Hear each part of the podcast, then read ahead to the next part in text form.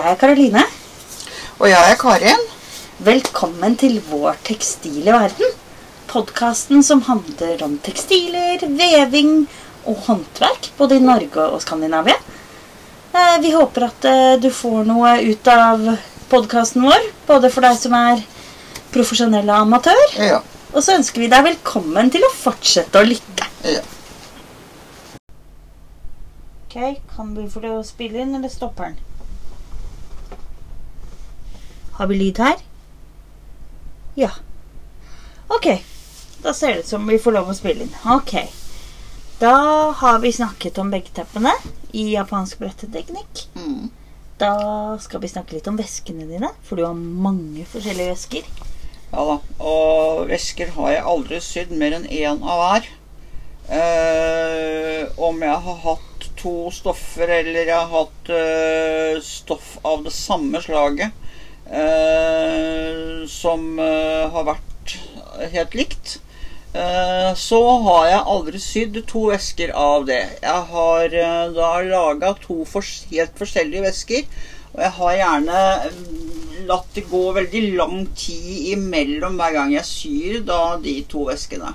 Eh, for å prøve å ikke ha inspirasjonen, for å si det sånn, til å gjøre det samme. Ja. Eh, jeg vil gjerne legge til rette sånn at eh, folk har noe å velge på. Jeg hører jo ofte det folk sier at Herregud, hadde du bare hatt bare tre vesker å velge på, vet du, så hadde det vært mye enklere. Jeg veit ikke om det hadde vært det.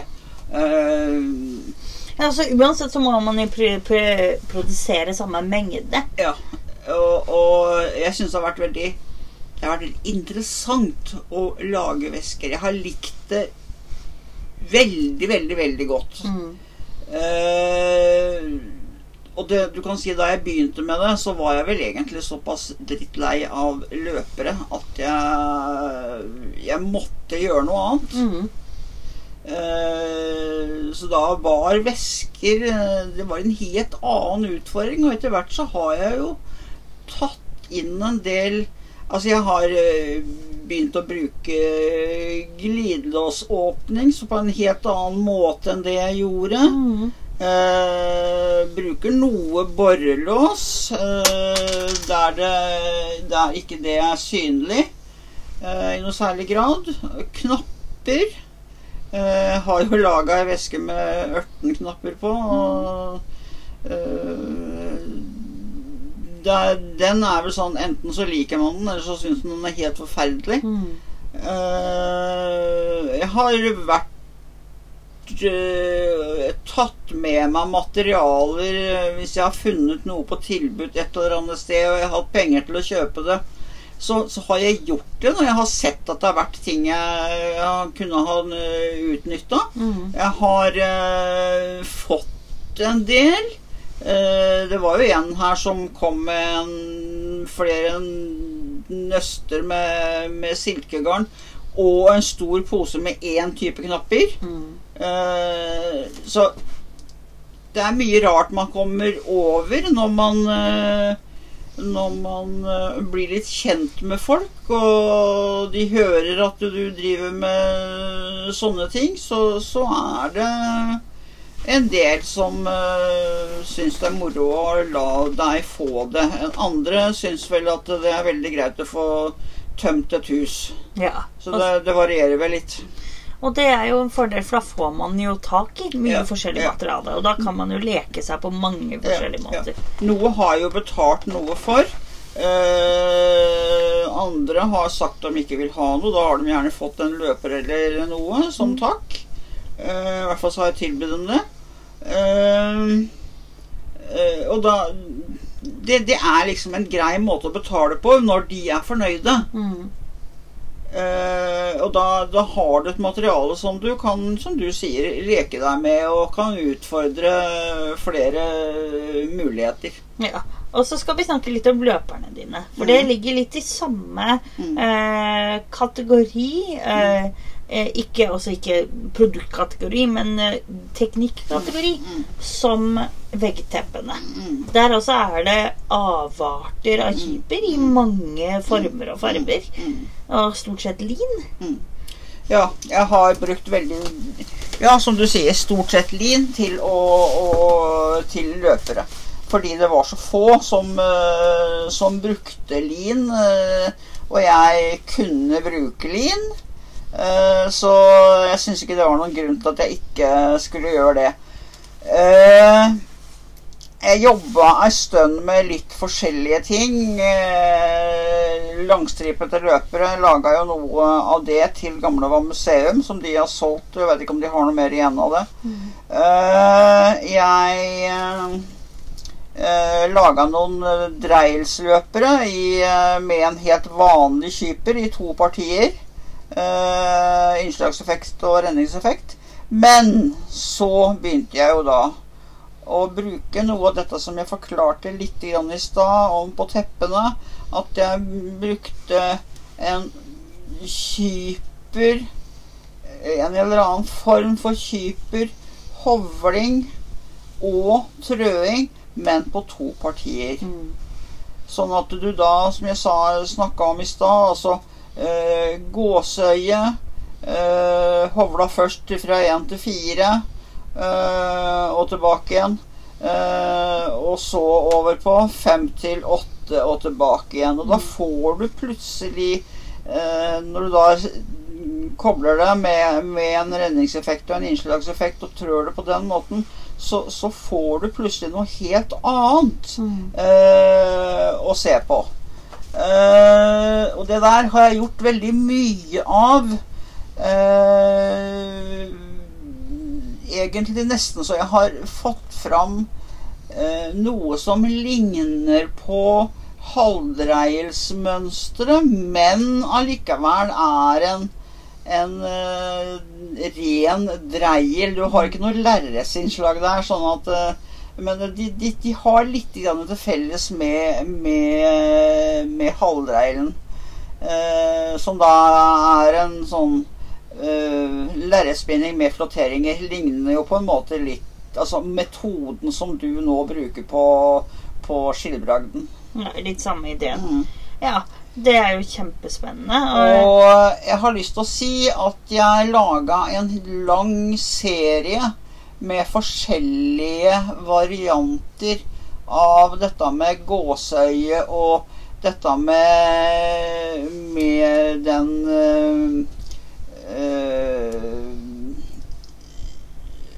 Hva var det jeg kalte den for noe? Det jeg sa i stad? Den- den, som, den øh, som hopper over én. Én, to, én, to, tre, Og en stigende Ja, stig, stigende eh, hobling. Mm. Det har jeg brukt veldig mye.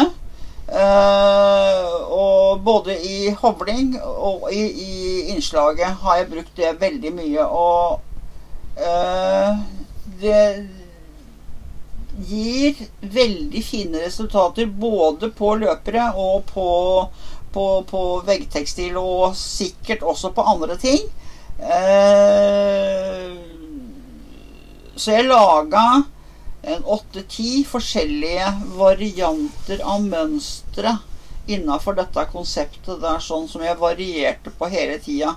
Eh, den som vel solgte best, det var den varianten med én eh, ramme Mm. eh, med da den den stigende hovlinga. Eh, ikke helt ytterst, men litt innpå. Og så var det en eh, vanlig kyper utafor der, og så var det en gåseøye på innsida. Mm. Det er den som har solgt desidert best. Og da får du en veldig artig effekt. Ja, og du får et mønster i det du gjør. Mm. Eh, den- blir, blir noe mye mer enn bare en helt ensarta sak. Men altså, dette er utvikling. Mm. Det, hele tida drive og prøve og, og feile og, tegne og Og det er også derfor man setter opp mer renning enn det man trenger, så man har muligheten til å ha et par meter, da. Mm. For et par meter i veveforstand er jo ingenting, egentlig. nei, nei. å leke seg med. ja. Litt mye, som du sier, og utvikle seg selv. Og rett og slett fordi at når du har fire meter eller åtte meter eller elleve meter med stoff du skal veve i 1, 2, 3, 4, 1, 2, 3, 4, 1, 2, 3, 4, så er det gøy å være litt kreativ på midten Og bare få lov å trø den der 1, 2, 3, 4 tilbake, så blir det noe helt annet. Ja, og bryte litt og tenke litt. Og det er jo også det som, som du sier, som utvikler oss som kunstnere. Hvis vi skal eh, få til mer, så må vi jo ta det ekstra steget. Og det så jeg som jeg syns var veldig morsomt nå som jeg har holdt på med feil For det er vel stort sett det jeg har gjort mest av dette første året som eh. Og da var det veldig gøy at nå vi tok en fell hvor vi satte opp Jeg hadde litt over en uke. Hvor, vi lagde, hvor jeg lagde løpere i lin på en bomullsrenning. Og bare lekte meg med dette skilbragdmønsteret som jeg nå rett og slett kan utenat. Der, er- der har jeg lært meg regla. og få leke litt. de ble også veldig fine. Ja, den ble veldig artig. Altså. Jeg lagde en med en silke en silketråd i bunnen som var ganske tynn. Uh, og en litt uh, grovere silketråd oppe, som ble, som ble veldig gyllen og vakker. Og så hadde vi en stry, linstry, litt tjukk, grov lin i en lyselilla farve. Og vi hadde et lingarn som egentlig er fra dropsgarn, vil jeg anta, som de ikke det- Det. Laga som et strikkegarn. Ja. Men de lager ikke det garnet lenger, og det er veldig synd, for det var så blankt. Ja, ja. Og så mykt. Og så pent. Og det var så utrolig gøy å jobbe med det. Så det var veldig, veldig morsomt. Eh, Så det er viktig, tror jeg, også for Så lager du igjen en med ull. En med ull da. Jeg brukte samme ullen som jeg brukte i skilplaggen. Så Frid sitt vevgarn da, til Hillesvåg. Veldig ålreit garn å jobbe med, egentlig. Um, så det var veldig morsomt. Og det er, gjør jo at man eh, I hvert fall for meg som er i en læresituasjon, at man lærer mer. Og det har også vært gøy med å lage fell, for da fikk jeg lov å Jeg lagde en visningsfell, som betyr at når du er på eh, besøker oss på en av utstillingene våre, eller markedene våre, så kan du se hvordan en stor fell ville ha sett ut, bortsett fra at den er bitte lite grann mindre. Og da var, vi, var jeg oppe på God og varm hos Brita Molvik, og jeg fikk velge saueskinnet og sy på saueskinnet på eh, det som jeg hadde vevd selv, med en lintråd. Og for meg så var det veldig morsomt å være med på hele prosessen. For det er vel den første vevnaden hvor jeg har gjort alt. Både renna sjøl, eh, vevd selv, gjort alt etterarbeidet og eh, finishen. Og det var Det tror jeg for meg var en veldig viktig prosess. Og da lagde jeg også en video, for det er nok noe vi håndverkere kanskje sliter en del med. I hvert fall oss som jobber med tekstil. Det er å få folk til å forstå hvor mye som ligger i det vi gjør. Og tenke at en vev er jo egentlig resultatet av all den jobben du gjør først. Og at eh, det å veve noe som er 49 ganger 80 cm, hvis det er en viss teknikk, det kan faktisk ta tre måneder. Så det har vært godt å få både for meg å forstå og akseptere at ting faktisk må ta den tida den tar. Men også det å kunne vise det til andre, at ting tar tid. Det er ingenting som går fort. Og sånn er det jo med veldig mange av de håndverkene som eh, vi har rundt oss. Nå er jeg mest erfaring fra Mia og de andre lærlingene. Eh, men der har vi jo treskjærere og eh, lærarbeidere, altså de som er salmakere, og som jobber med vesker og lager disse. Og jeg er helt sikker på at det ikke går noe fortere, for å si det sånn. Nei, nei, nei. I hvert fall ikke bunadtilvirkerne. De må jo bruke enormt lang tid på bitte, bitte, bitte små detaljer. Ja, ja. Så det er veldig spennende å få lov å vise det til publikum. Og det er også mye av grunnen at, til at vi sitter her og lager denne podkasten. At vi vil gjerne dele med dere der ute hvor mye som ligger i teknikkene våre. Eh, Men det er jo en litt sånn kjapp oppsummering av de hovedteknikkene vi jobber med, og hovedmaterialene. Og så blir det jo mer utgreninger etter hvert. Men det jeg skulle si før vi avslutter med å fortelle dere hva som skjer til neste år, så må vi inn på vevstrikken din. Som er en teknikk som du har lagd. Vevstrikken. Løperne dine. Uff! Nå var jeg helt borte vekk. Ja. Vev, vevstrikk, ja. Vevstrikk må vi Ja. sveipe innom Ja. før vi tar oppsummeringa. Ja, det er en uh, strikketeknikk som egentlig er uh, veldig, veldig enkel. Uh, det er Jeg har sett veldig mange forskjellige teknikker som har definert seg som vevstrikk. Og hvis man ser litt i litt eldre bøker, så er det faktisk en del der også. Eh, noen av dem er dritkjedelige gir ingen verdens ting i, mønster. Mm. Eh, det er én teknikk som er veldig godt egna til eh, en, eh, en strikka vest eh, som fungerer omtrent som en vevd vest. Mhm. Eh, men jeg fant ikke noe glede i mønsteret.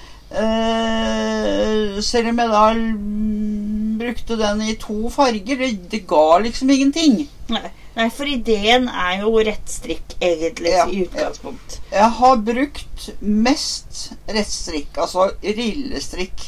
Strikke rett fram og tilbake. Og så bruker man da et noe tjukkere materiale og legger det materialet over og under maskene. Du strikker ei maske, legger tråd, mønstertråden opp Nei, du, jo, du strikker ei maske først, og så legger du mønstertråden opp, og så strikker du den maska som kommer etter, og legger den ned igjen på undersida. Og der på undersida blir da liggende til du skal ha den igjen i forhold til det mønsteret du har bestemt.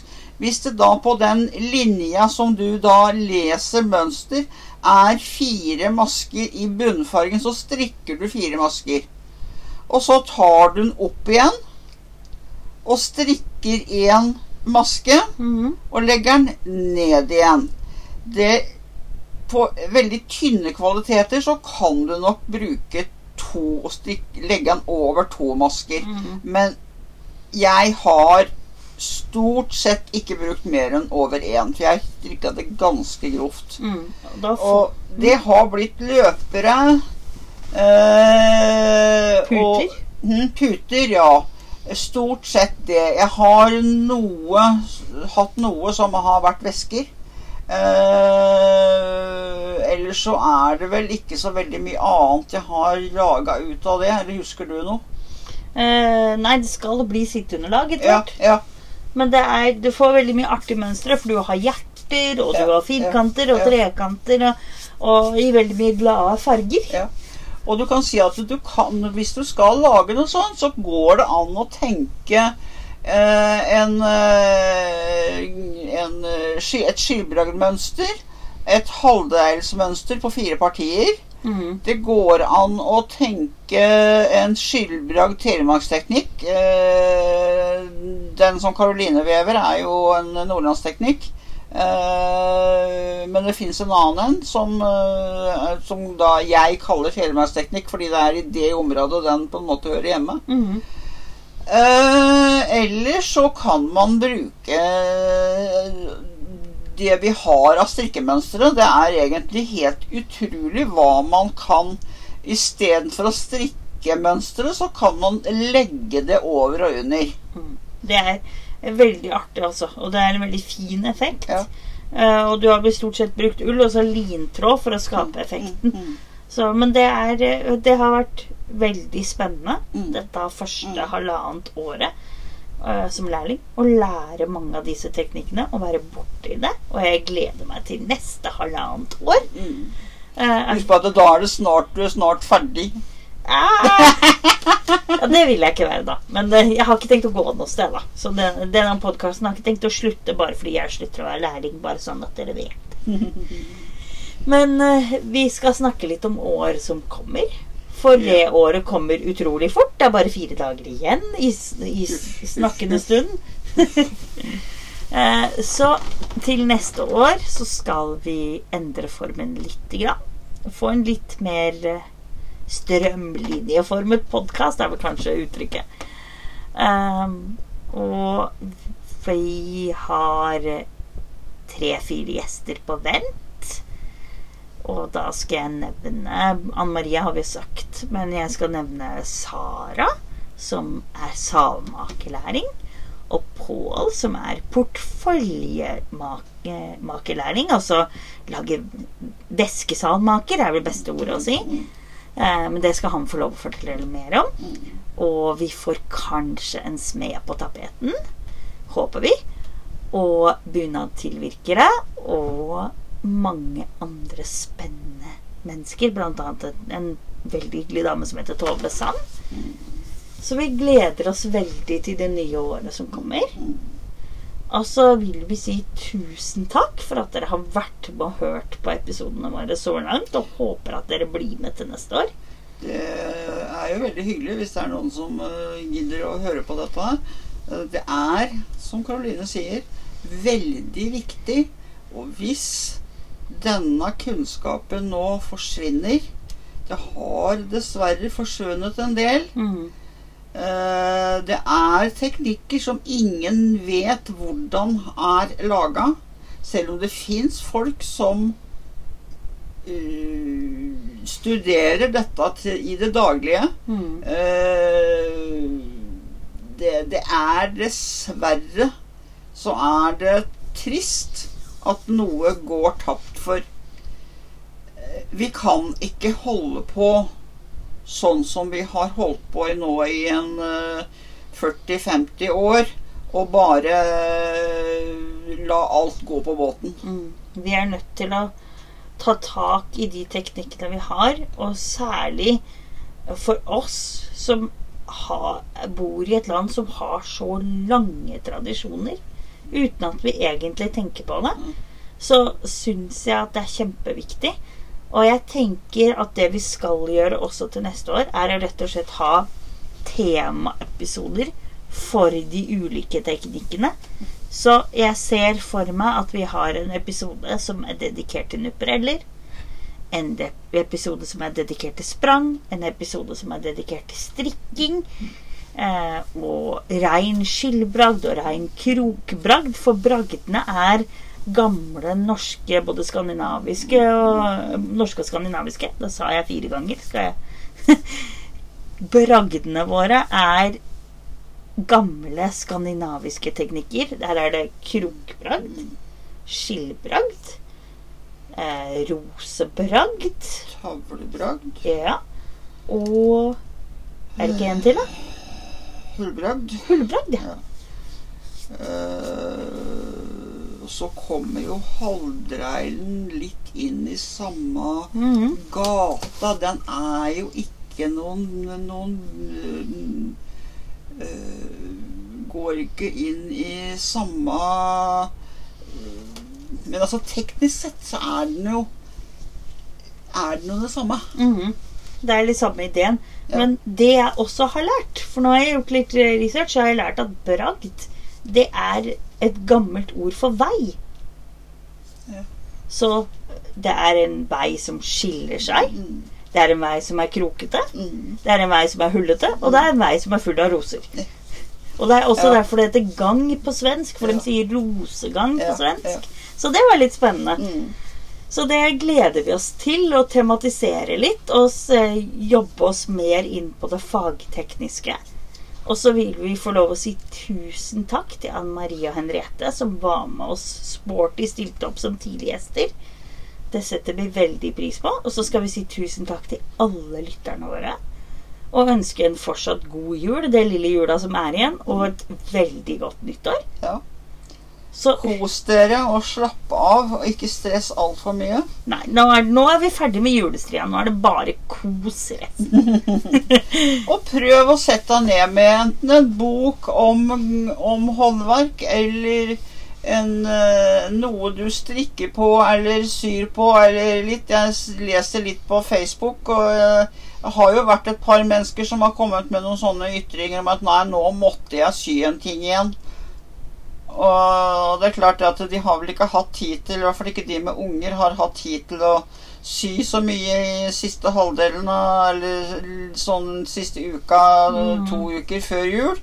Eh, men men eh, så når liksom tredje jul kom, så da var man ferdig med familieselskapene og sånn som var man var forplikta til, så nå, nå måtte jeg sy litt igjen. Og det, det syns jo jeg er litt hyggelig, ja, da.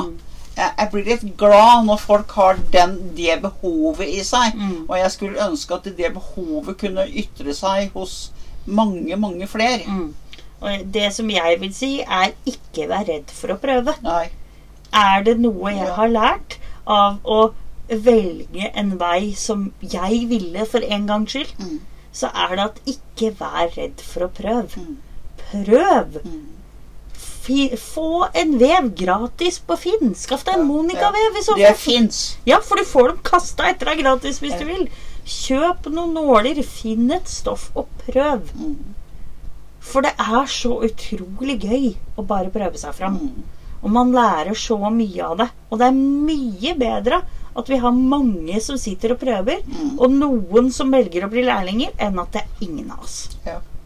Ja, du har helt rett. Kjempeflott sagt. Så takk. Og tusen, tusen takk for at dere har vært med. Dette er Vår tekstilverden. Årskavalkadeepisode.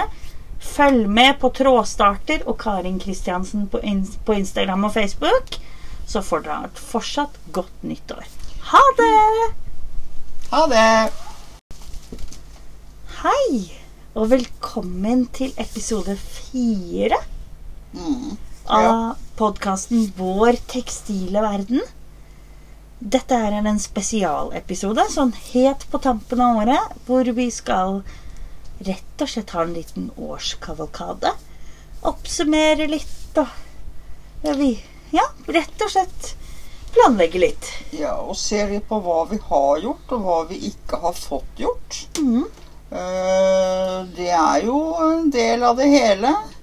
Eh, Spesielt i forhold til opplæring så er det alltid noe som eh, må vente litt. Og for man skal ha ting til å gå i hop. Mm. Sånn at læringen blir mest mulig effektiv. Ja. Ja, og nå er det jo sånn at de tre første episodene så har vi hatt gjester som jeg og Karin enten begge to kjenner godt, eller en av oss kjenner godt fra før av. Eh, litt for å føle og kjenne på formen vi ønsker at podkasten skal ha. Og bli kjent med verktøyene og lydredigering og sånne ting. Og det føler jeg at eh, vi har hatt en ganske fin begynnerrunde, syns jeg. Absolutt. Ja, så nå tar vi en liten sånn oppsummering. Litt for å gå igjennom hvem vi har snakka med, hvilke teknikker vi har vært borti, og hvordan vi planlegger å gå videre. Mm. Så det vi kan begynne med å si, det er jo at eh, den første gjesten vi hadde, eh, er en veldig hyggelig dame som heter Anne Marie. Hun er eh, født på Trysil, men har vokst opp i Oslo. Og grunnen til at vi snakka med Anne Marie, det er at Anne Marie har for det første vevd siden vel alltid, egentlig. Hun har gått på skole på Elverum, folkehøyskole der, eh, hvor de har jobba med håndverk og sydd. Hun eh, driver med en veldig gammel teknikk som heter sprang. Så Anne Marie holder på med veldig mange spennende teknikker. Og det var derfor vi i utgangspunktet valgte henne, og fordi at både jeg og Karin kjenner henne litt fra før av. Ja, og så er det ei dame med en litt eh, Kanskje si en spesiell historie. Hun eh, har jo vært eh, en form for sykepleier. eh, Jeg er vel ikke helt sikker på hvor mye hun har jobba som sykepleier, men hun har jobba med veldig mye kanskje litt spesielle ting, tilrettelegging osv. Og når det gjelder håndverk, så er ikke hun utdanna noe spesielt på håndverk, men hun har et sånn veldig flott måte å se eh, det håndverksmessige på. Mm. Eh, og hun har jo bodd i ei bygd i Trysil, eh, bygd i bygda, eh, hvor man faktisk har vært nødt for å klare det meste sjøl Mm. gjennom veldig, veldig lang tid. Nå er det vel kanskje ikke så mange fastboende igjen uti der, det vet jeg ikke. Men du er jo ikke mange metra ifra svenskegrensen, Mm. og det er svarte skauen, altså. Ja, det er det virkelig. Og det er eh, For eh, sånn eh, Da vi var der på besøk, Mm. så så vi jo først denne lille gården. Og det som har fascinert meg, er at Anne Marie har jo Selvfølgelig for henne så har tekstil vært viktig, men hun har jo vokst opp i en familie som har vært smeder. Mm. Og holdt på på Støa kanal. Mm. Det er den kanalen som ligger der. Mm. Uh, så for henne så er jo håndverk en naturlig del av livet. Ja. Og det har vært interessant for oss å snakke med et menneske som ser på det å kunne sy og veve og strikke og eh, hekle og alt dette her som bare en del av naturligheten. Det bare er der. Rett, rett og slett gjøre det du var nødt til å gjøre med dine to hender. Og etter hvert som de fikk symaskiner og kanskje strikkemaskin, så, så snakk om å bruke det til de tingene man trenger. Mm. Fordi det var ikke nevneverdig mange butikker å, å, å kjøpe ting i. Mm. Så Og det, bruke ting til det ikke var fylla igjen. Nei, ikke sant? Og det, Ikke det at de var spesielt fattige, eh, men, men at de, de hadde den holdningen som vi vel må prøve å tenke og komme litt nærmere nå. At man skal bruke ting til de, det ikke er noe mer igjen av dem på en eller annen måte. Og, så tenke at eh, nå som vi lever i en tid hvor vi har så mye mer tilgang på flotte stoffer, på flotte materialer, så har vi så muligheten til å skape ting på et helt annet nivå.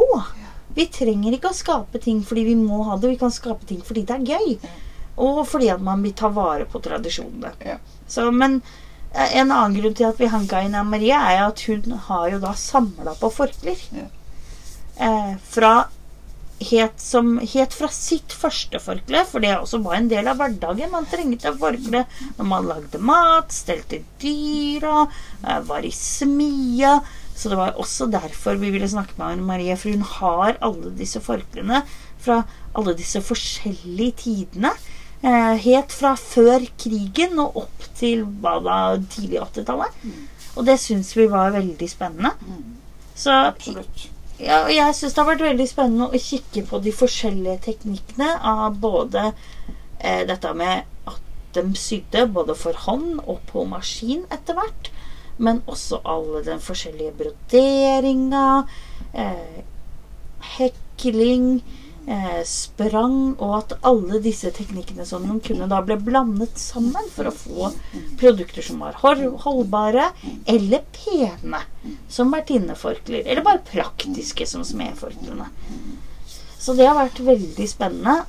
Og hvordan man utnytta en viss mengde stoff. mm. for å få det man trengte. Det ligger ganske nær opp til teknikk i våre dager, eller kanskje litt lenger tilbake. Eh, for det handla om å eh, legge ut stoffet Måle hvor mye det var, og hvor stort, altså hvor bredt og hvor langt forkle kunne jeg få av dette. Nei, jeg klarer ikke å få den, den størrelsen uten å gjøre noe et eller annet for å få det til å passe. Mm. Så ble det da altså sydd sammen flere biter, og noen ble sydd sammen sånn at det stemte med mønsteret, og andre måtte da legges på tvers for å få nok stoff. Men det ble nok stoff. Man klarte altså å utnytte den stoffresten til det minste. Det er jo litt det samme som noen gjør i lappeteknikk i dag.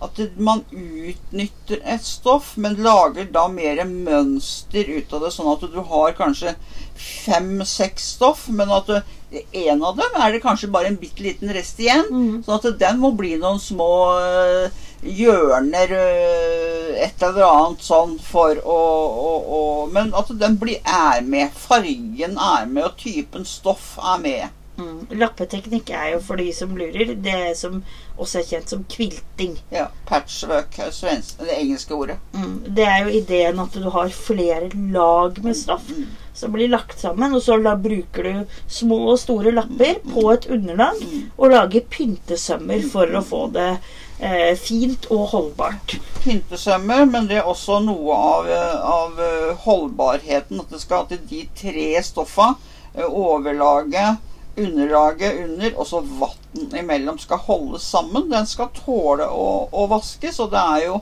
forska en del på hvor langt eller hvor tett du må ha eh, kviltesømmene for at det skal holde. Så det er en veldig spennende teknikk. Men eh, vi skal ha Anne Marie tilbake igjen, men da skal vi snakke om en eldgammel teknikk som heter sprang. Som er et sted mellom veving og hekling, vil jeg si sånn utseendemessig. Eh, for de som ikke er så eh, inne i eh, tekstilverden, så vil jeg si at eh, utseendemessig så ser det litt ut som det som mange kanskje oppfatter som kniplinger, altså disse hvite eh, gardinene i vinduet. Men det kan også se eh, veldig annerledes ut. Det er bokstavelig talt at du lager hull med vilje i et stoff.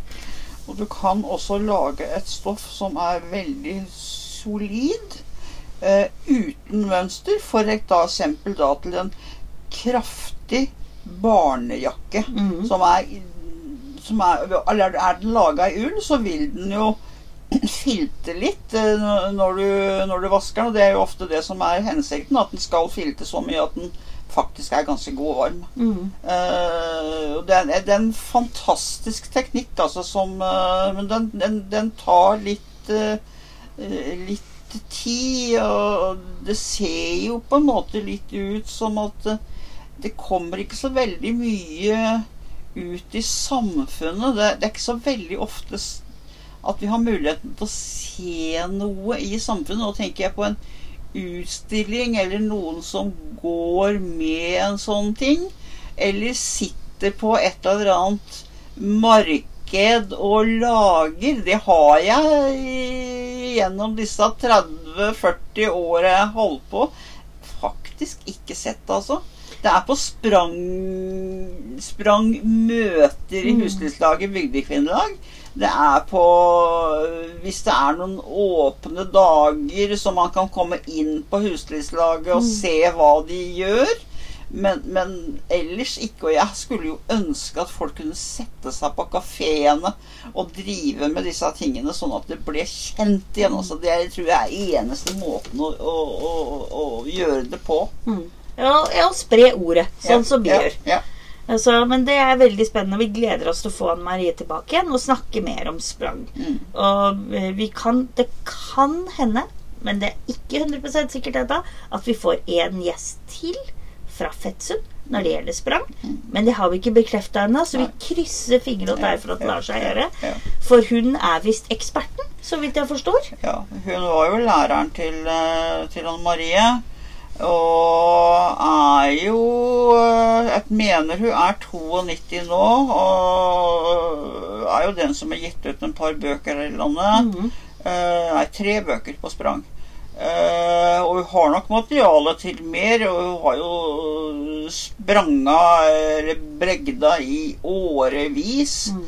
Eh, veldig, veldig mye. Og prøvd på forskjellige materialer. Og nå altså Huslivsdaget i Fett de klarte jo å få til et seminar eh, med da eh, folk fra Tsjekkoslovakia. Eh, heter jo ikke det nå, men eh, husker ikke om det er Tsjekkia, egentlig. De, de, kommer fra disse to uh, ekspertene som da holdt foredrag om det i, i fett. Mm. Og jeg vet at, at Herborg Wahl, som hun heter, hun var der og hadde fantastiske dager. Men det er klart, dama begynner å bli gammel. Mm.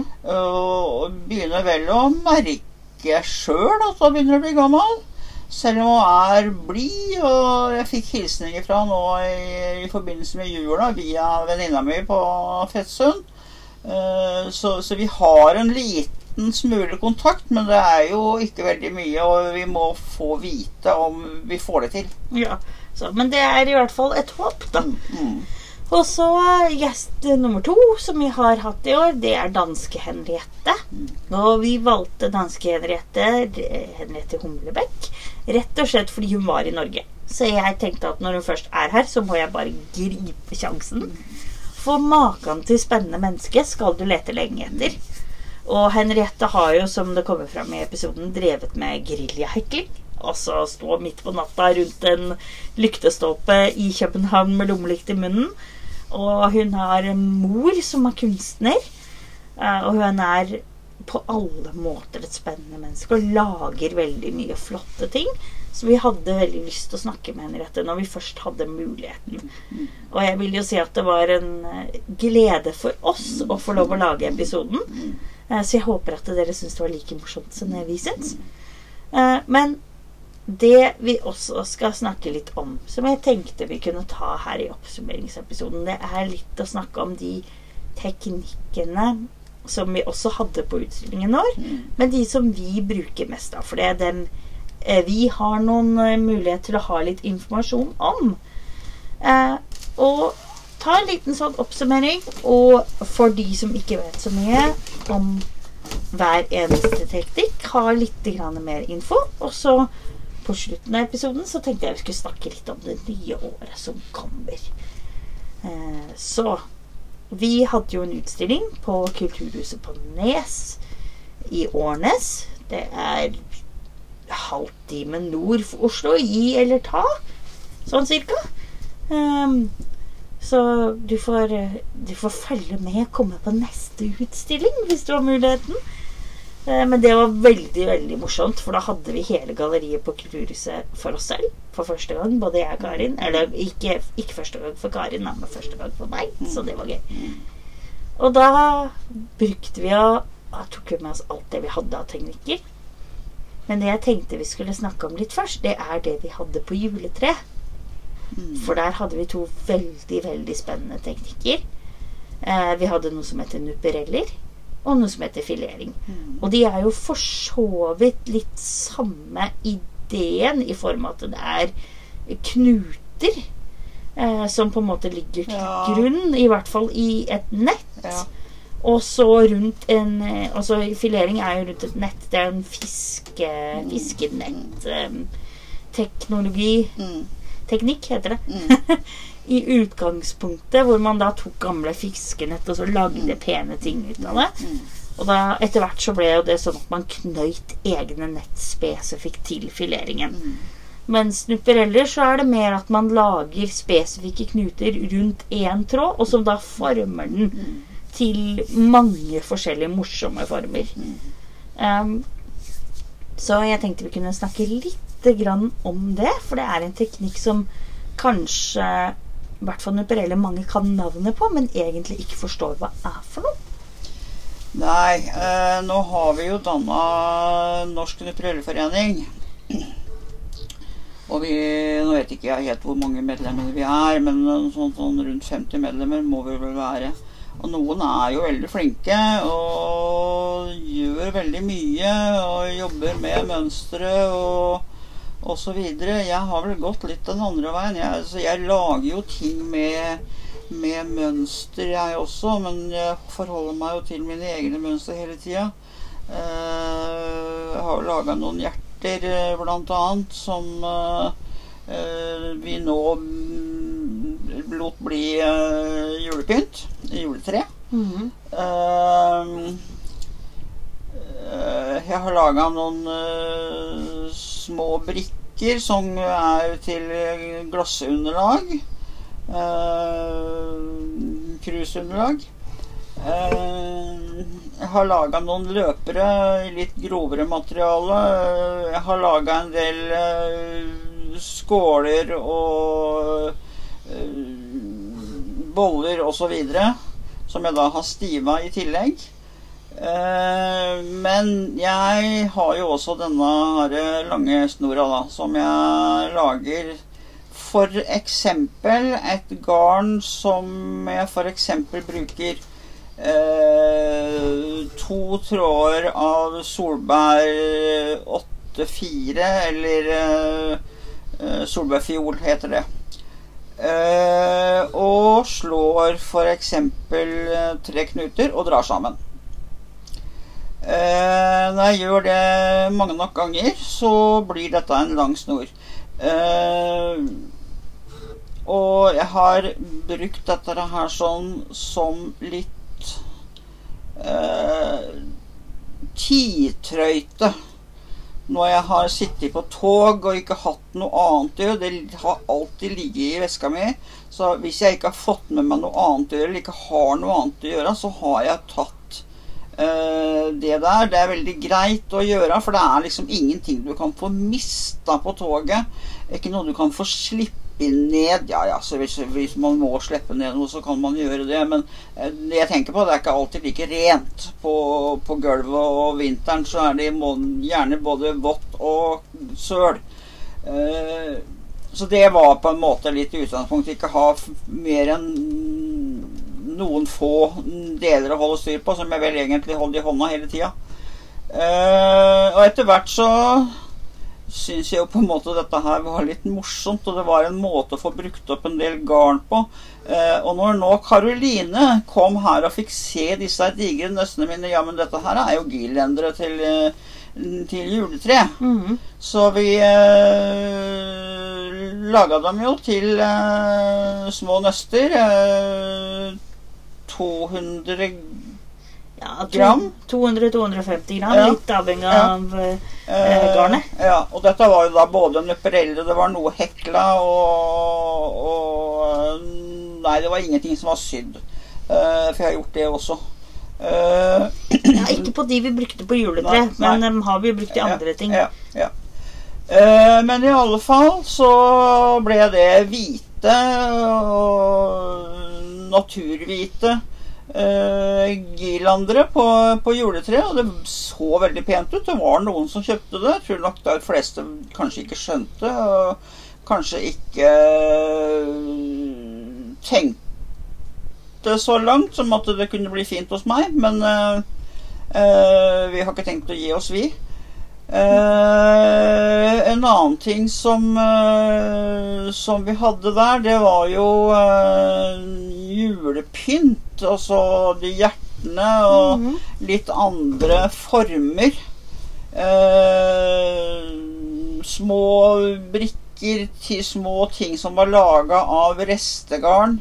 Eh, som da vi solgte i poser på sju-åtte forskjellige ting i en pose.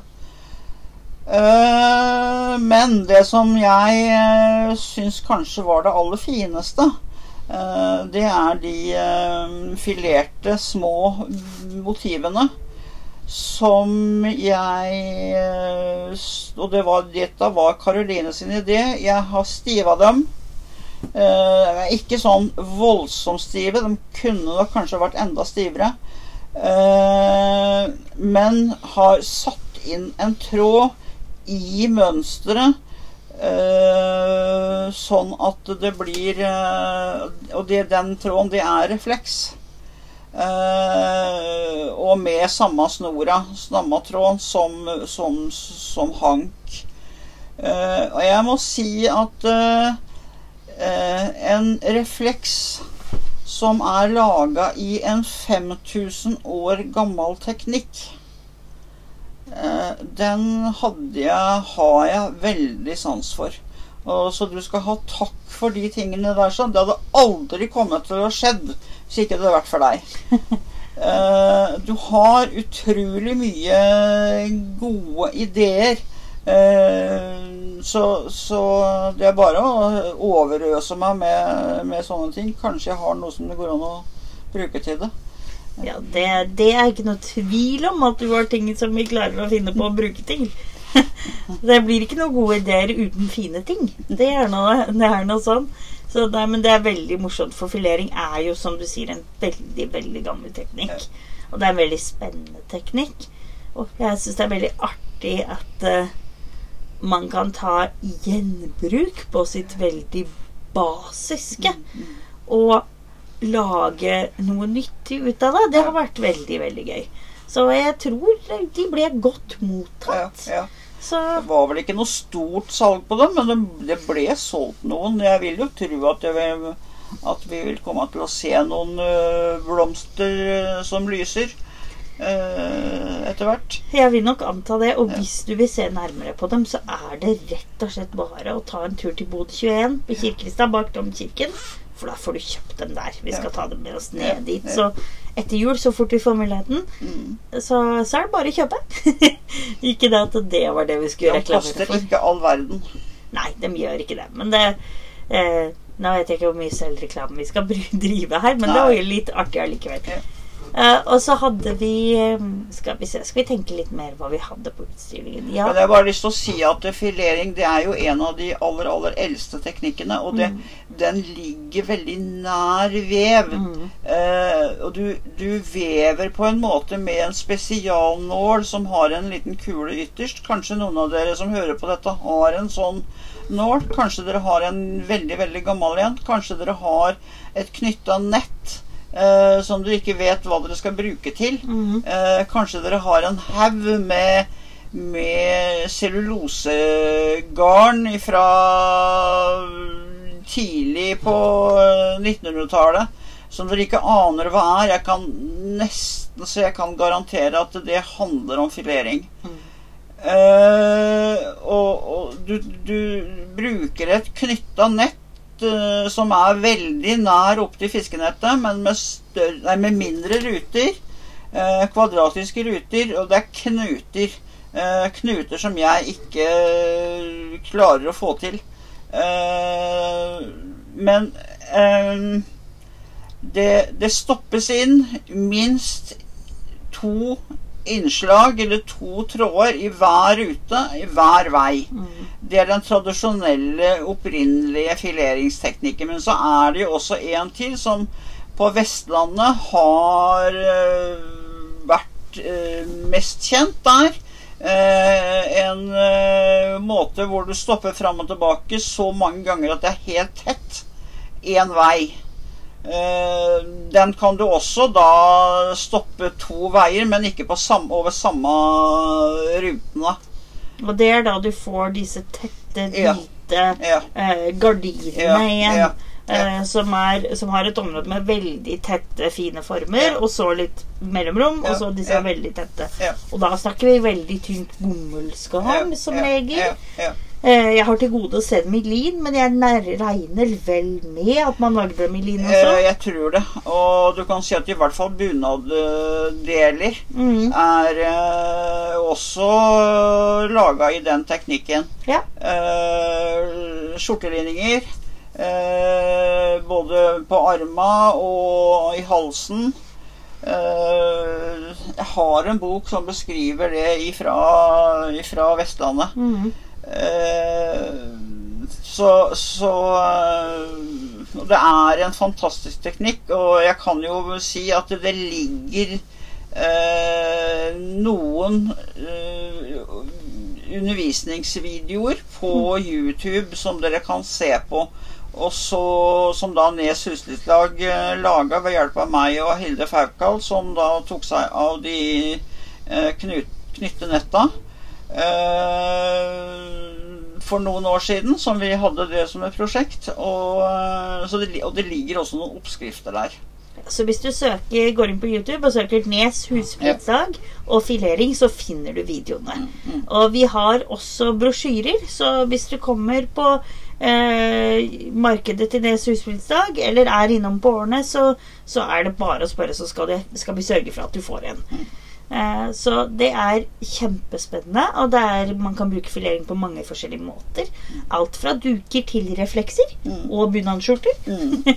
Så det er eh, veldig, veldig morsomt. Og så har vi eh, Tenkte jeg skulle, vi skulle gå over på en type teknikk som er bare din, vil jeg si. I hvert fall eh, her i landet. For jeg har ikke sett at noen andre gjør det her i Norge. Og du har på et tidspunkt fått tak i relativt mye, relativt myk, relativt tynn kobbertråd. Og den har blitt brukt i innslag, og også i renning. Eh, men der er resultatet flere flotte veggtepper i kobber. Takk. Og De er helt fantastiske. Hadde jeg fått vilja mi, så hadde jeg hatt alle i huset mitt. Men det er nå så. og der er det både mm, farge Du har farga selv i en litt sånn lekker blåfarge. Og så er det også noe bomullsgarn som er en litt sånn mørkere Nesten går nesten til svartlilla i fargen. Mm.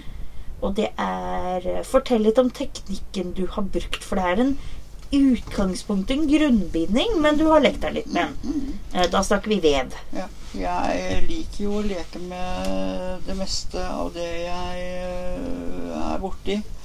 Og nå begynner det å bli såpass lenge siden at jeg, som jeg gjorde dette her øh, Jeg har tenkt å, å få gjort noe mer, for jeg har jo ca. 10 kilo kobber liggende. Ehm, så Men jeg har brukt veldig enkle bindinger. Eh, og hovla det som Altså på åtte skaft og på åtte trøer. Eh, som jeg har laga en slags dreiel i noen tilfeller. Hvor jeg da har eh, har uh, laga en uh, Ikke en vanlig dreiel i vanlig kyper, men mer gåsøyeteknikk, uh, fiskeben, eh, som da kobles ikke som en likesida kyper, som det er vanlig at man kobler både gåseøye og eh, og fiskeben, men jeg har kobla det som en renningseffekt på den ene delen og en innslagseffekt på den andre delen. Sånn kan man drive når man jobber med ting som skal henge på vegg, eventuelt som skal ligge rolig på bord, og ikke vaskes ofte. Nå snakker jeg ikke om kobber på bord, for det tror jeg ikke er noe særlig. Det tror jeg blir veldig mye merker i bordet, for det er ikke til å komme fra at kobberet det ligger litt som det vil. Det skal ikke veldig mye til. Eh, du er nødt til å slå inn uten at kobberet har fått en eneste liten skrukk. skrukk. Eh, og det skal veldig mye til at du klarer å unngå det absolutt hele tida på et da må si et veggteppe på halvannen meter, eller enda mer. Mm. Det, det skal veldig mye til. Eh, sånn at noen sånne små knuter eh, de er så små at det er nesten ikke så du ser dem. Du må lete etter dem. Men de kan være der allikevel og lage merker i et bord. Mm. Sånn at det anbefaler jeg ikke. Men på vegg så vil det jo henge rolig inntil veggen, så det bør ikke være noe problem. Uh, Men det som er spennende, som vi kan si med keeper, da Keeper er jo Ja. en grunnbinding som Ja. i utgangspunktet går på diagonaler. Ja. Men gåseøye er da en keeper som snur på midten. Ja. Sånn at du får en slik diamantform. Ja. Så da er i utgangspunktet grunnideen 1, 2, 3, 4. 4, 3, 2, 1. Så det er ideen for de som eh, vil ha det helt sånn ned på det nivået der, da. Ja.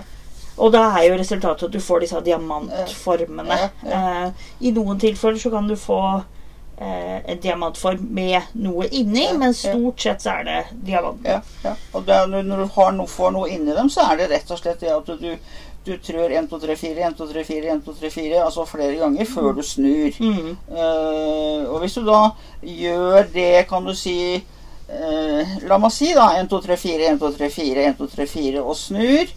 Og så har du hovla en uh, på de andre fire trøene du har. Mhm. Altså 5, 6, 7, 8, 5, 6, 7, 8 og snur. Da har du plutselig en litt mindre firkant. Mm. Dette, med deg så blir det jo firkanter, men jeg må si at det Det var faktisk veldig dekorativt. Jeg laga et teppe, det er solgt, eh, men med et eh, rosa, gul og blågrønn eh, renning. Eh, og som jeg slo inn med en blålig rød eh, kobber. Det var en radioamatør som kom med dette til meg. Og den var grueligen tynn, så jeg, jeg husker ikke tjukkelsen på den. Men jeg brukte vel tre tråder sammen, tror jeg. Og da er det snakk om å slå inn tre ganger på samme, i samme skille. Og, og ta dem inn på én spole, eller én skyttel. Glem det. Mm. Det er én tråd på mm, tre forskjellige filleskytler. Og jeg liker best de filleskytlene som er, som er doble. Ja. Eh, de får man til å fungere ordentlig, uten at det er noe som driver og tuller med deg. Da kan vi si at Glimåkra sine fyllekjøtler Ja, er ja. veldig Ja, ålreite. ja. De er relativt lette, og så er de relativt store. Så sånn sett så får du Og får du dem i to forskjellige størrelser også. Ja. Minst. Og det er, de anbefales for de som er ute etter å veve med litt artige materialer og litt mer annerledes Ja. Eh, type, type garn. Ja. Så er det absolutt å anbefale, Ja. for da får du Det er litt lettere å jobbe med, da. Ja. Så det er eh, veldig, veldig ålreit. Men de er eh, Blant annet det ene så har du fått til en stjerne. Ja. Er det på den mørkeblå Ja. på? Den lengste av de to mørkeblå. Og også den er messing, men den er jo litt annen type igjen. Ja, ja. Altså den er ingen, uh, ingen dreil. Så der om jeg har uh, hovla Nå husker jeg ikke. Jeg tror egentlig denne hovla bare på fire skaft. Ja, for det ser ut som en altså, Det virker som det er en kyper sånn Ja, utseendemessig. Ja, ja. um. Eh, jeg har nok hovla den bare på fire skaft, og så har jeg vel trødd den på fire trøer. mhm. Eh, En, to, tre, fire. Eh, men Nå går jeg og finner det her. Ja, jeg må jo se litt også, jeg, da. Ikke sant? Man, noen ganger så må man kikke litt på det man har lagd, for å rett og slett huske hva man gjorde. Det er jo såpass lenge siden. Men eh, ja da. Jeg ser hva du spør om nå, Karoline. Ja, for her får du Eh, disse effektene her. Ja. Og Jeg det er ta rett, bilder av dem. rett og slett en snuing. Ok, så du har bare snudd? Ja.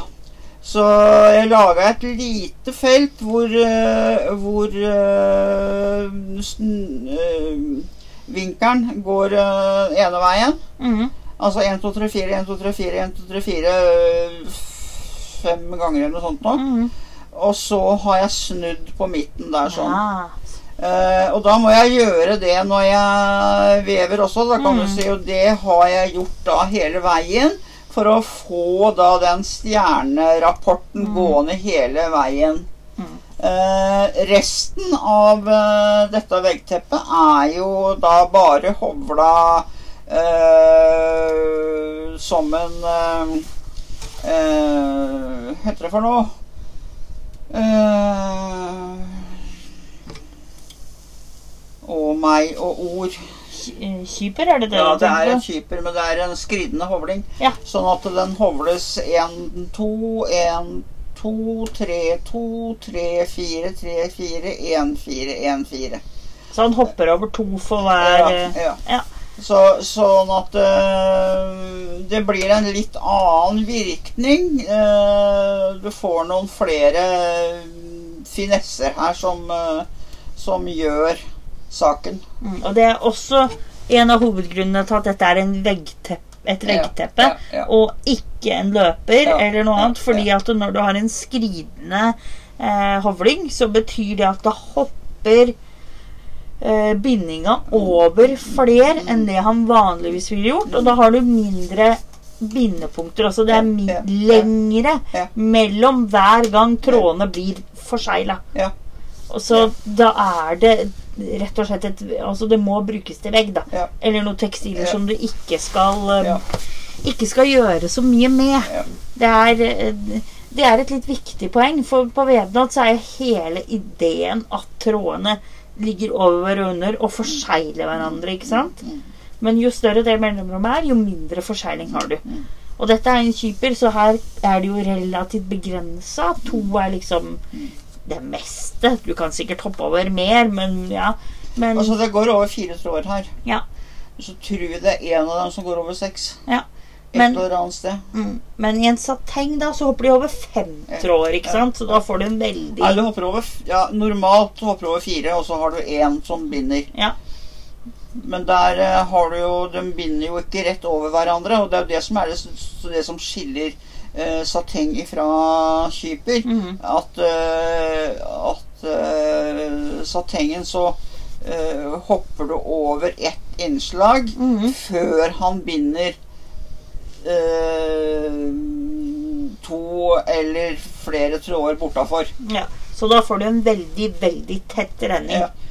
Men det er også Kyper også er en veldig tett renning eh, i forhold til eh, veldig mange andre typer eh, eh, vevnader. Og det har jeg også sett i år på de prosjektene jeg har vevd. Mm. Ikke at jeg har vevd sånn forferdelig mye, mye Kyper, men jeg har vært borti den eh, som vi hadde på sjalrenninga. Mm, Eh, hvor vi lagde et sjal mm, eh, på en ullrenning som var veldig glissen. mm.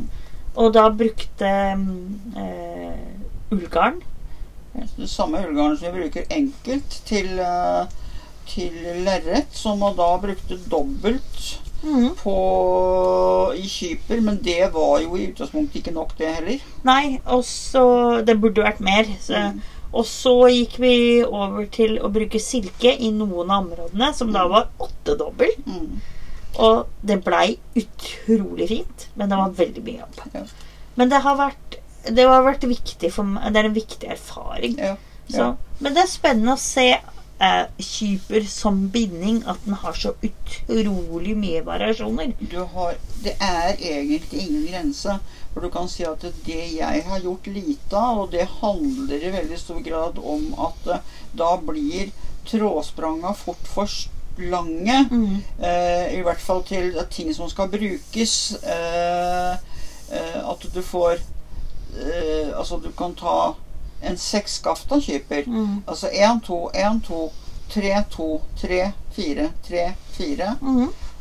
5, 4, 5, 6, 5, 6, 1, 6. Eh, det er en mye lengre rapport å huske. Eh, for det er jo ikke snakk om å sitte og se etter hva du skal ha, et, ha nå.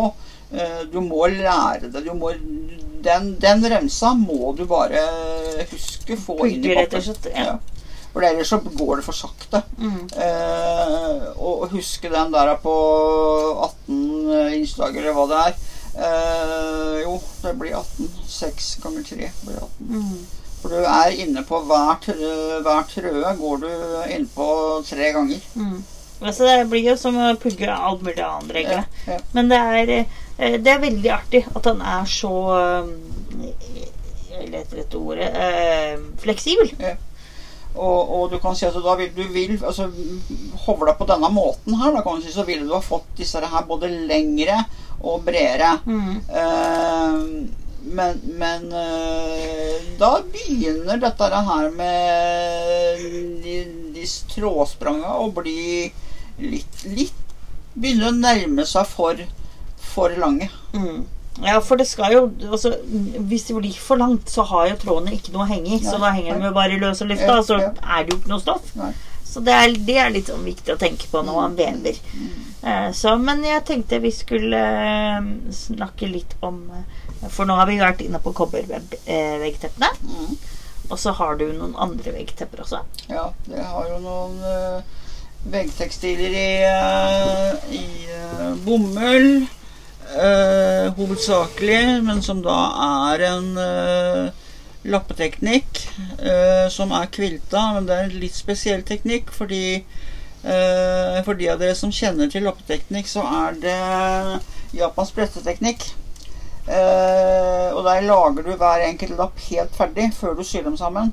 Eh, mange syns at dette her virker fryktelig eh, Virker som det tar fryktelig lang tid. Og ja, det kan hende det gjør det, men jeg har på en måte ikke så veldig mye å sammenligne med, for jeg har altså, jeg, har jo aldri gjort noe som ikke tar lang tid, jeg, da. Eh, og jeg syns at eh, ja, jeg tar betalt for det uten at det egentlig er nok. Men jeg vil gjerne gjøre noe som ikke alle andre gjør. Det er noe en ting. En annen ting er at dette er en veldig fin måte å få brukt de stoffene som er rester etter diverse ting i vev. Eller andre teknikker. Jeg har vært borti og brukt strikking. Eh, det teppet ble solgt her for eh, en god stund siden. Eh, det var strikkalapper og vevde lapper og noe eh, filering, tror jeg det var. Og så var det vel noen nuppereller der også. Jeg bruker veldig mye sånne litt spesielle teknikker. Eh, Mange forskjellige broderingsteknikker. ja. Jernbanesøm, blant Ja, annet. ja, det er jo sånn som jeg lager et rosemønster av. Mm. Eh, så ja, broderi som jeg da eh, bruker på lapper som eh, egentlig ikke ser noen særlig andre muligheter i. Der er det, har jeg også brukt noe som har vært ferdigkjøpt. eh, av kanskje en litt spesiell type. Eh, jeg har rustfarga veldig mye. Eh, jeg har eh, eh, sydd eh, to tepper med bokstaver i eh, filering. Eh, det ene er eh, norske stedsnavn. Det er et kryssord eh, med da den, nei, den, den rose, det rosebroderiet, jernbanesømmen, i tillegg. Og det er kryssord som jeg har laga sjøl. Og det andre er ord fra håndverksverdenen, hovedsakelig den tekstile. Eh, det er også et kryssord. Og der har jeg brukt litt forskjellige lapper. Mye som var bare noen få, men at de forhåpentligvis de fleste vil synes at de passer sammen. Og de eh, filerte lappa, det er jo da bokstavene eh, som da er sydd eh, Altså eh, De åpne feltene er, eh, er bokstavene. Mm. Eh, og så har jeg rustfarge. Det vil si farger med rustne gjenstander. Uh, jeg er veldig glad i den teknikken også. Det gir en veldig artig sjattering. Ja. I hvert fall på håndvevd stoff som da tar til seg fargen Ja, på litt sånn ja. eh, eh, Gjerne litt ujevnt, Mm, men det gir jo en veldig fin effekt. Og, så har du gjerne nupperellekanter langs kanten, disse da i en lange Ja. Eh, Men det som er artig, er at eh, japansk bretteteknikk, som vi kjenner det, i hvert fall de som kanskje ikke er så eh, eh, informert i tekstilhjernen, husker gjerne disse Enten så var det, det var vesker, gjerne, eller duker og puter på 80-tallet som Mm. hadde disse blå og litt lyserosa, blomstrete som Eh, når man lager japansk bretteknikk, så få, kan man få, hvis man setter det sammen, en litt sånn halvsirkel Mm, som møter hverandre. mm, Så hvis dere husker de, den typen vesker, så er det jo det som i utgangspunktet har vært ut, Mm. utgangspunktet. Men du eleverer det, vil jeg absolutt si, og løfter det opp på en helt annen måte med å eh, bruke ideen, og så vise fram de forskjellige teknikkene som du da bruker. Og det er en veldig artig måte å for det første vise hvor mye man kan lage i ett teppe. Mm. Men også det å velge å tenke litt annerledes, Mm. og velge å ta ting som kanskje eh, For med vev så kan man ikke unngå at du har i hvert fall en 10-20 cm på hver ende som du ikke får gjort noe med. Mm. Og da er det veldig ålreit å kunne ta disse bitene og gjøre noe ordentlig ut av det. For det er like bra materiale, det, som alt mulig annet. Den Ja, det var jo det som i utgangspunktet var, eh, var saken. Altså, jeg syns det var ergerlig å skulle være nødt for å hive så mye materiale. Mm. Altså Én ting var at det ofte var mer renning igjen. Jeg har jo alltid satt opp mer enn det jeg strengt tatt trengte hvis jeg hadde bestillinger også.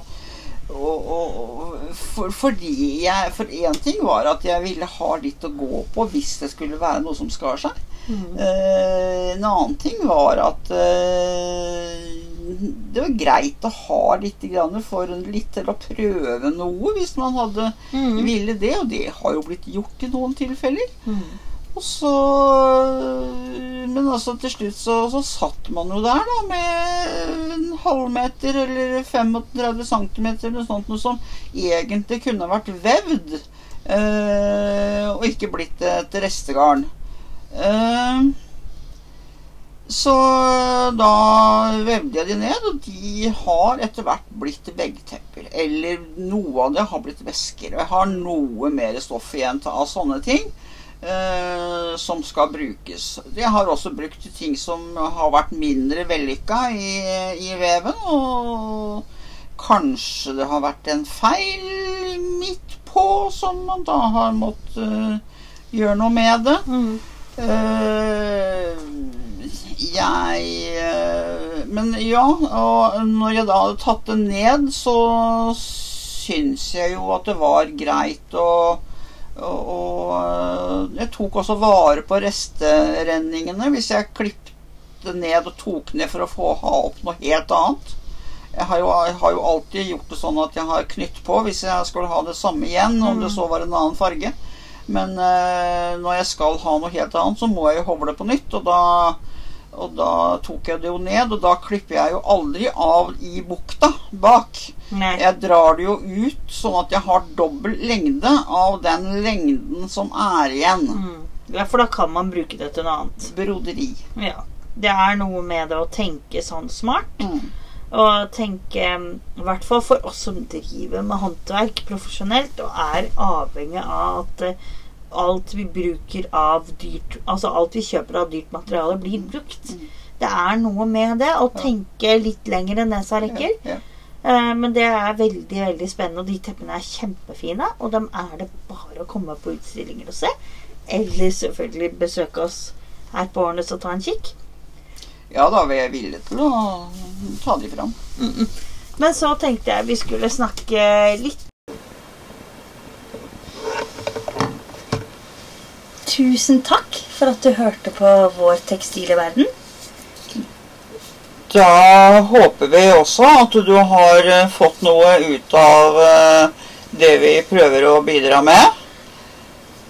Dagens episode er spilt inn på verkstedet. Og vignetten er komponert og spilt av Torbjørn Tranum. Så må du huske å trykke på bjella og følge, sånn at du vet når det kommer en ny episode. Og du kan finne oss på Facebook på Karin Kristiansen. Eller internett karinkristiansen.no. Eller hvis du er på Instagram, så er vi Trådstarter. Tusen takk for at du hørte på. Ha det! Ha det godt!